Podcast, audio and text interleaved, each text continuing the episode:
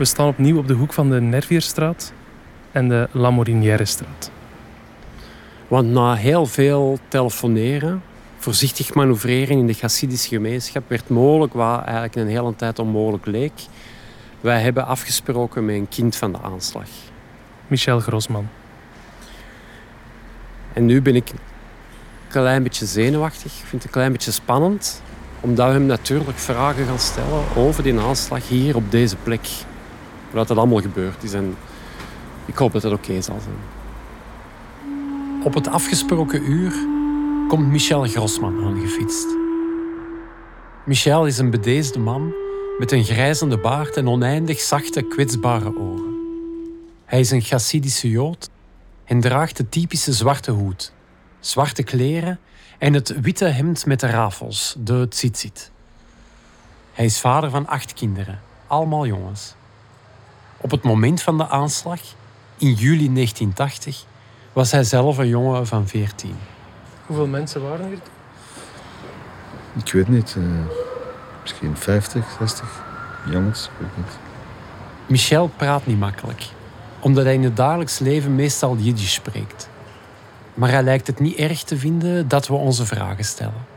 Weet u nog of het een mooie dag was, die dag? Van... Uh, dat weet ik niet. Dat weet ik niet meer. Maar iedereen was wel heel die hier aankwam en samenkwam, Ja. was blij. was heel tevreden. Ja. En om, om een prettige vakantie te vieren. En, eh, ja. Daar stond de bus. Michel wijst naar de hoek van de straat. Daar waar die eh, plek is die, waar ze aan het werken zijn. En dan komen de moeilijke vragen. Want David Kohane, de 15-jarige jongen die gedood werd bij de aanslag, was de neef van Michel. Ik stond hier en die eh, David Kahane, die stond naast mij. Ik heb nog een kwartier vroeger heb ik nog met hem gesproken. En dan gebeurt het.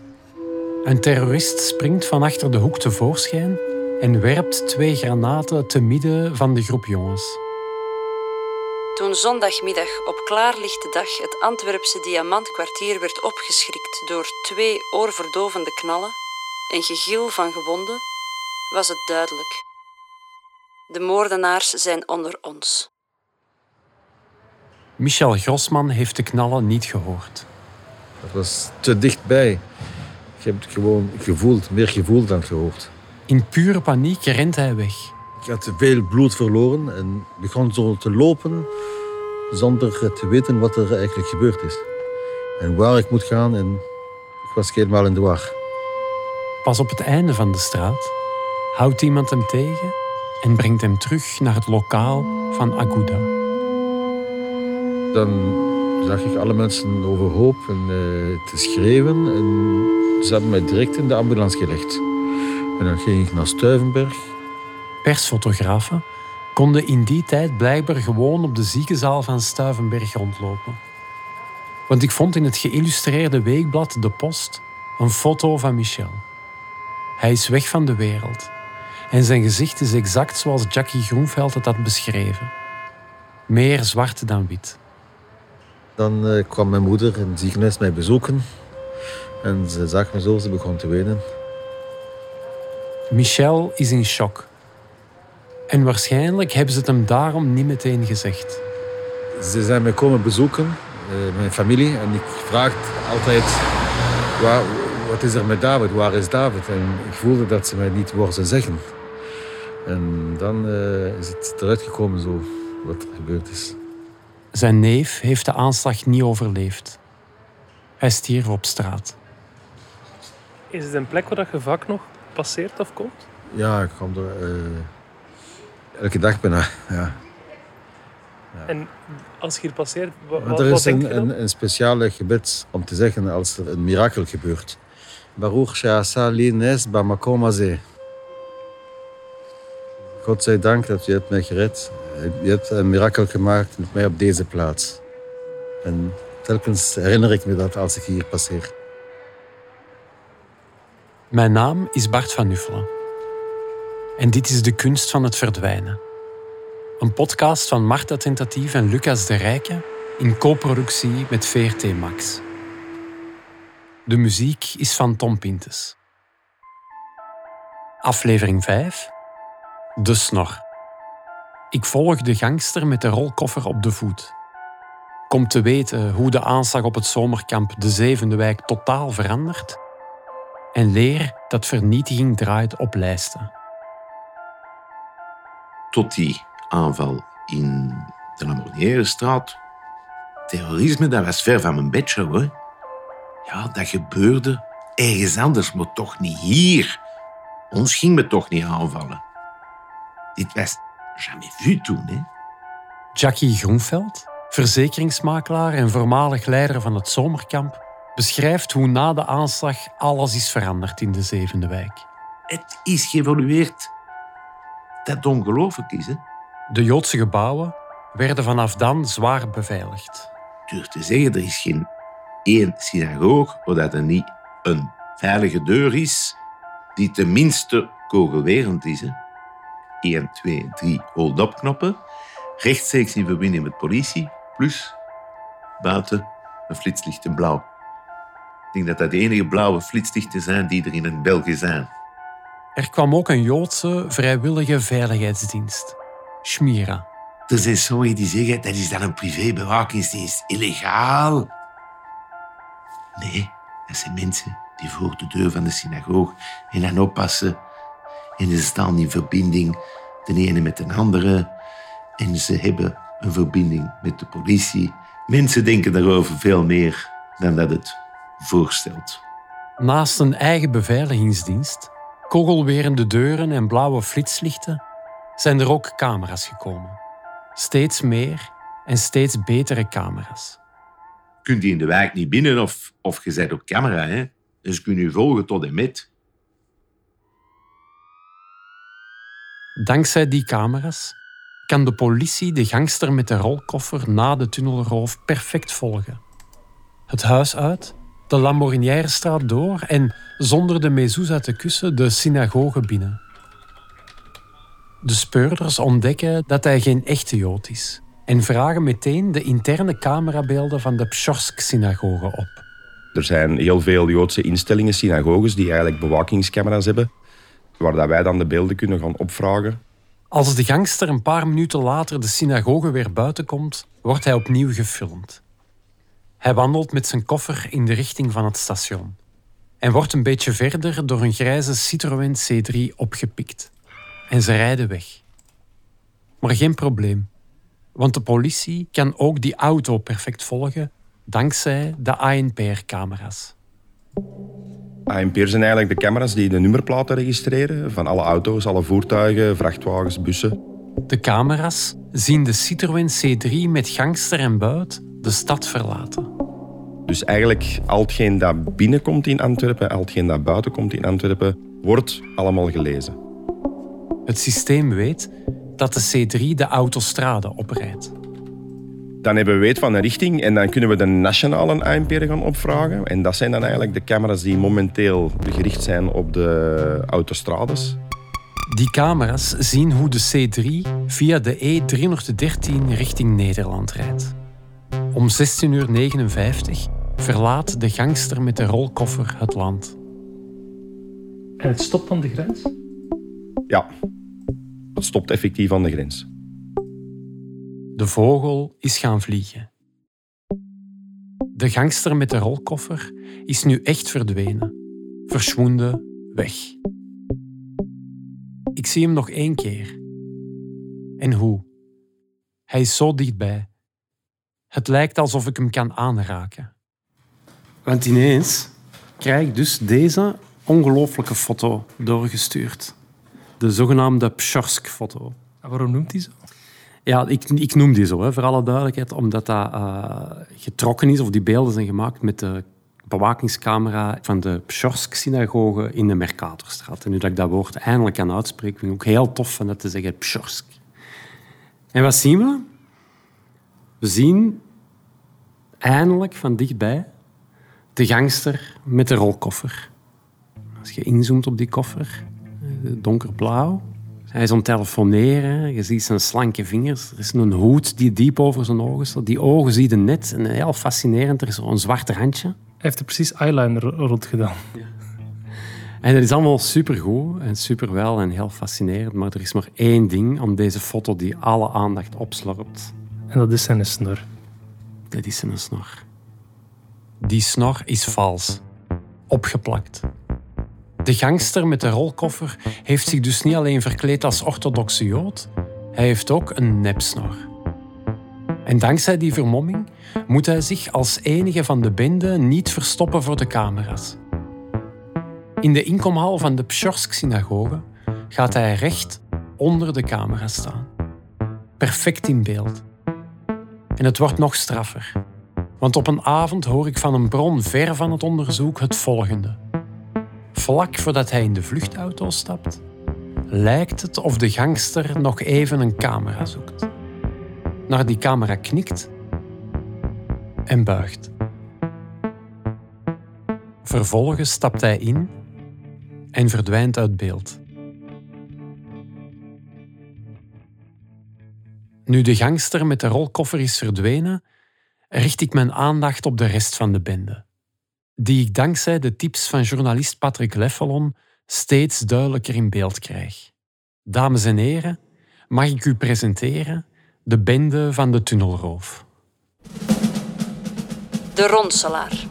David Salvishvili, alias David Shalikan, alias David Tsomaya. Door iedereen Dato genoemd. Hij is een Georgisch beroepscrimineel die met valse papieren door Europa trekt. Hij is afhankelijk van welk paspoort hij gebruikt 37, 35 of 33 jaar oud. Hij is drugsverslaafd en gokverslaafd. Of doet alsof. Hij is met zekerheid een psychopaat. Hij wint heel snel het vertrouwen van Koba en Gio en betrekt hen bij het plan. Hij verdwijnt, zij worden gepakt. Koba en Gio lijken daar in hun verhoren oprecht door aangedaan. Zij beschouwden Dato als vriend. Ik denk dat dat uh, een van de grote mysterieuze vragen is die onopgelost zal blijven in deze zaak. Wat was zijn rol? En heeft hij van in het begin gedaan alsof, of is dat gaandeweg, is dat geëvolueerd? Dat is een spook doorheen heel dat strafdossier. Dato is bij verstek veroordeeld en staat geseind. De bende had een rovershol vlakbij het diamantkwartier, van waaruit de roof werd gepland. En het is, net als twee garages en twee vluchtauto's, gehuurd door één man. Hoofd logistiek Josef Cohen. Een 41-jarige Israëli die zich in Antwerpen voordoet als Eddie, een rijke diamantair. Hij spreekt Engels, Russisch, Hebreeuws, Armeens en Georgisch en wordt stevast vergezeld door een jonge, blonde vrouw. Hallo? Zij is, Dixit een getuige, Slank gebouwd. Ongeveer 26 jaar en ze heeft lichtgevende ogen. hij heeft Dixit verschillende getuigen twee gezichten. Hij is erg vriendelijk en erg opvliegend. Josef is bij verstek veroordeeld en staat geseind. Ook vermeld in het dossier de vermoedelijke gravers met de schuilnamen Malloy en Master. Ze spreken Russisch en zijn niet geïdentificeerd door de politie. Het zijn wellicht vakmannen die opereerden onder de leiding van De Rat. Rad is niet toevallig gekozen. Want er is niet alleen die tunnel, maar ook het gat. Een gat? Daar krijg, daar krijg ik bij wijze van spreken met, met een onderarm nog niet door. Daar moet een kleine deur douwen, door te kijken. Want je ziet er van, "Amai, wie kan daar weg? En dan tenslotte is er, De orthodoxe jood met de rolkoffer. waarvan we nu dus weten dat hij geen orthodoxe jood is. Voor de rest is er bijzonder weinig van hem geweten. Hij is niet erkend. Hij staat niet geseind. Zodat de vraag rijst, bestaat hij wel echt? Of is hij de vermomming van één van de voorgaande gangsters? Om dat te weten te komen, ga ik spreken met Marijn Verkouteren, de eigenaar van het kelderappartement in de Nervierstraat. Vraag maar. Je kunt gebruiken, ben je dat pakt. hè. Marijn is een gepensioneerde loodgieter met staalblauwe ogen. Kanker heeft zijn stem aangetast. Marijn, u bent een speciale man. Dat schijnt. U heeft een tunnel met eigen ogen gezien. Klopt. Vertel eens. Die put heb ik gezien, die was volledig loodrecht, proper afgestoken. Zo kun je het niet doen. Nee. Ze hebben er werk van gemaakt.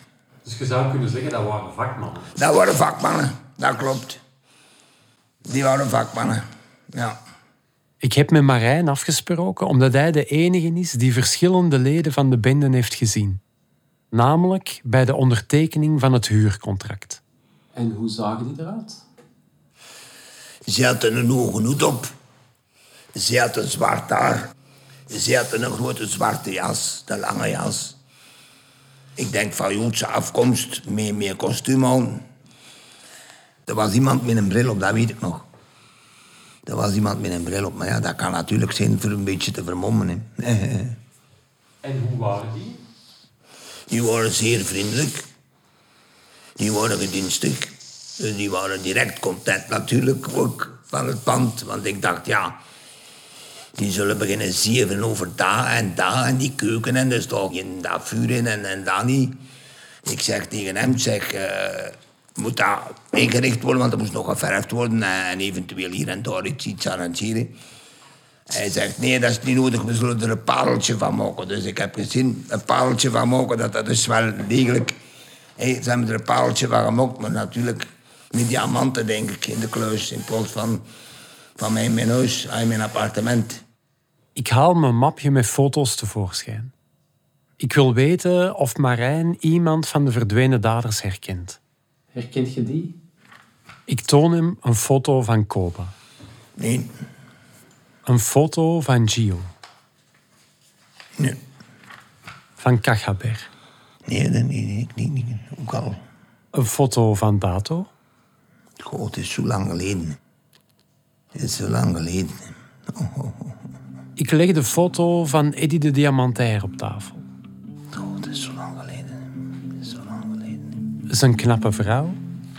Nee, die zeker niet. Die zeker niet. Malloy. Master. Foto's van andere mensen die in het dossier zijn verschenen. Daar durf ik geen uitspraak over maken. Want het is zo lang geleden dat ik het mij niet, gewoon niet meer kan. Ik heb ze maar één keer gezien. Ik leg een laatste foto op tafel. Dat, dat wel. Die wel. Marijn wijst naar de foto van de orthodoxe gangster. Ja, ik denk dat die voor het contract geweest is. En die kan ik mij... Deze wel. Marijn is overtuigd. De gangster met de rolkoffer ondertekende het contract. Hij bestaat wel degelijk echt. Ja. En wat doet hij nu op dit moment? Ja, die zit op een grote boot natuurlijk. Hè. Met een jonge vrouw. Hè. En meer glas champagne. Die zit niet meer in Bergen. Hij zit ook niet meer in een tunnel. Dommerikken zijn dat niet. Hè. Maar het is natuurlijk gemakkelijk als je zo geld gelooft. Ik heb er 40 jaar moeten verwerken. En eh, wij zijn nog opgevoed in het systeem. We moeten werken, werken en sparen. Men heeft nooit niet gezegd, we moeten ze dan ook opdoen. Hè. En ik spijt van, er wat meer moeten opdoen. Maar ja, dat was vroeger zo. Marijn is even stil.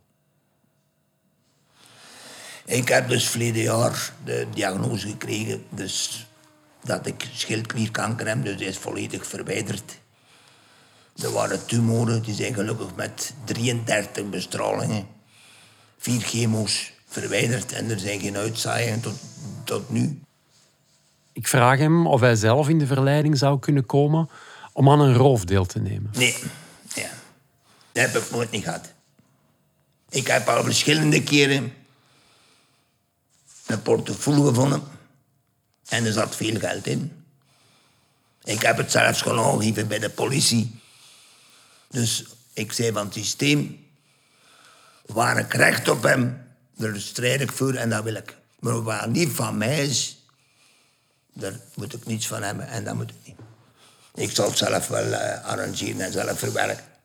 Marijn heeft geen bewondering voor de gangster met de rolkoffer en biedt als eerste weerwerk tegen mijn eigen, steeds groeiende fascinatie. Ineens is er iemand die zegt: dat is geen held, dat is gewoon een bandiet. Ze moeten er ook zijn, hè. Maar zo weinig mogelijk. En voor wat God dan aan gebruiken, mannen. Dat is al de bedoeling.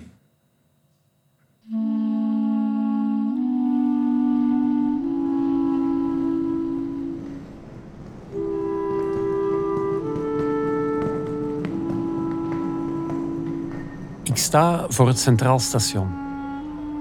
Op de plaats waar de kleine Fred voor altijd van zijn mama wegstapt. Reizigers stappen het station in en uit, maar van Fred is hier geen spoor. Geen bordje met uitleg, geen herinneringsteken, niks. Ik neem vandaag de trein naar Mechelen, naar de Dossijn-kazerne. In Wereldoorlog 2 werden de Joden daar verzameld alvorens naar Auschwitz te worden gedeporteerd. Zo ook de mama van Fred. Op zaterdag 11 september 1942. Vandaag is Kazerne Dossin een memoriaal, een museum en een onderzoekscentrum. Hey, dag Doreen. Hi. Ik had al verschillende mensen gezien, maar u... Ah, voilà. Nog niet. Nog Ik ben nog niet zo lang terug. Eh, ik ben met zwangerschapsverlof geweest. Proficiat. Dank je. Ik heb afgesproken met archivaris Doreen Stijven en vraag haar wat er van Fred en zijn mama is terug te vinden in het archief. Eens kijken. En dat is veel. Verbazend veel. Ja, daar gaat het over zijn mama. Ja, dat is Basha. Zo zag ze eruit toen ze naar België kwam. Wauw. Mooie vrouw, hè? Ja. Ja, heel mooie vrouw. Basha Kristal was gehuwd met Jacob Jeruzalski, de papa van Fred. En in het gezin waren er zes kinderen. Waarvan Fred dus eentje was. Hij had vier oudere broers en zussen.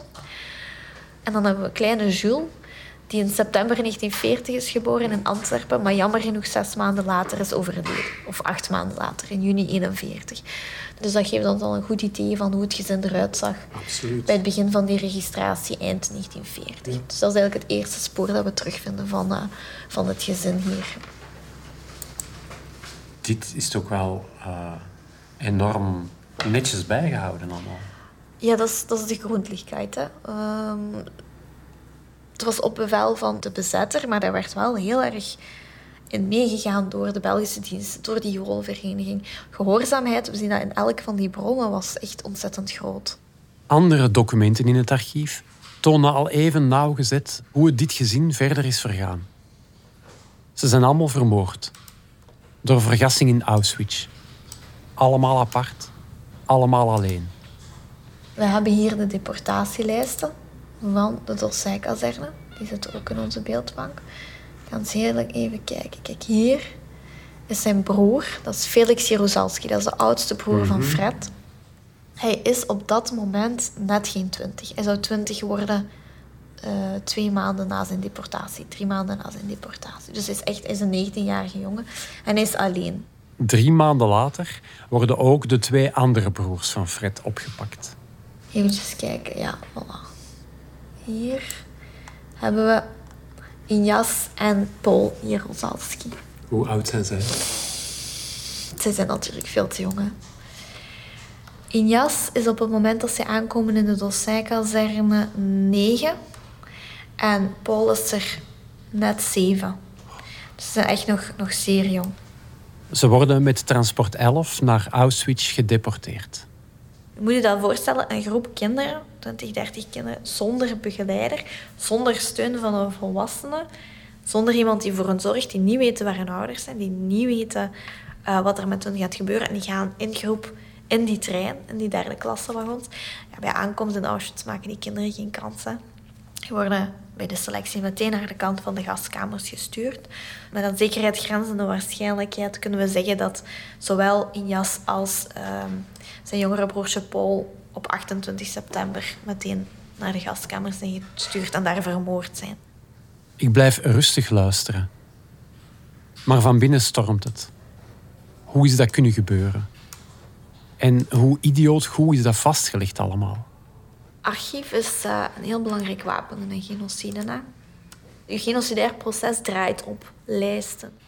Fred en zijn mama worden opgepakt tijdens de derde razzia in Antwerpen. Die vond plaats op 11 en 12 september 1942. Dat is een Joodse feestdag. Ze worden samengedreven aan het station. En dan zegt Basja tegen haar zoontje weg te wandelen. Voor een kind van die leeftijd om zomaar weg te wandelen van zijn moeder, dat is traumatisch. Hè? Dat is niet... eh, En voor een moeder om je kind wandelen te sturen. ja. ja, niet wetende of het daar eens terecht gaat komen. Hè? Dat is ook nog zoiets. Hè? Wat wist die mama op dat moment? Waarom neemt ze die beslissing? Ze weten dat er massa bijeendrijvingen plaatsvinden in de straten van Antwerpen. Ze weten niet over de gaskamers of, of eh, over Auschwitz. Die berichten komen pas begin 43 binnen. Ze weten ook dat ja, de leugen van dwangarbeid in het oosten is dan al lang doorprikt. Kinderen, allee, zuigelingen, die worden meegestuurd op transport. Dus mensen beginnen te beseffen dat dat niet, niet, eh, ja, niet kosher is. Hè? Doet u dan nog iets persoonlijk als jonge mama? Natuurlijk. Oh, mijn werk is veel moeilijker geworden sinds ik moeder ben. Dit, is, is geen werk wat je doet. Dit is echt een missie die we hebben om die mensen terug een gezicht te geven, om hen te herdenken. Maar als je dan foto's binnenkrijgt van kinderen en je beseft, die hebben daar op een gegeven moment in die trein gezeten, die moeder heeft die vastgehouden, die heeft die drie dagen lang in haar armen gedragen om dan die gaskamer binnen te stappen en te weten van ja, dit is het einde voor ons en ik kan niks doen. Ik kan niks doen om mijn kinderen te redden. Ja, we hebben ondergedoken kinderen die zeggen... Waarom heeft mijn moeder mij in godsnaam afgegeven? Waarom heeft ze me niet gewoon meegenomen? Dan had ik al dat trauma niet gehad. Dan had ik, dan had ik gewoon samen met haar kunnen gaan. Terwijl... Ja, die moeder heeft dat grote of... Die, heeft Allee, die vader ook. Hè. We mogen dat niet onderschatten. Dat dat voor een vader ook traumatisch is. Maar ja, ik denk vaak aan die moeders.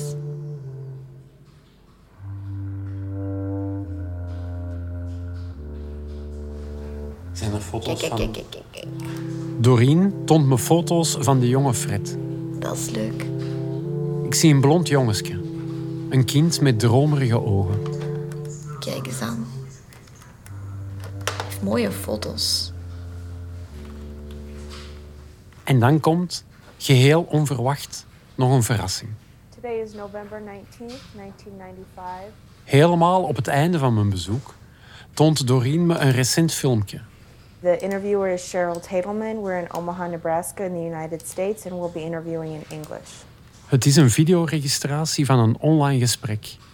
En eerst weet ik niet goed waarom ze me dat toont, maar dan hoor ik wat dat oud meneertje zegt. Could you tell us your name, please? Fred Cater. Fred Keder. The name of the survivor is Fred K- Cater, who was born as Jaruzelski. Dat is Fred. Hij leeft. Daar had ik geen seconde rekening mee gehouden.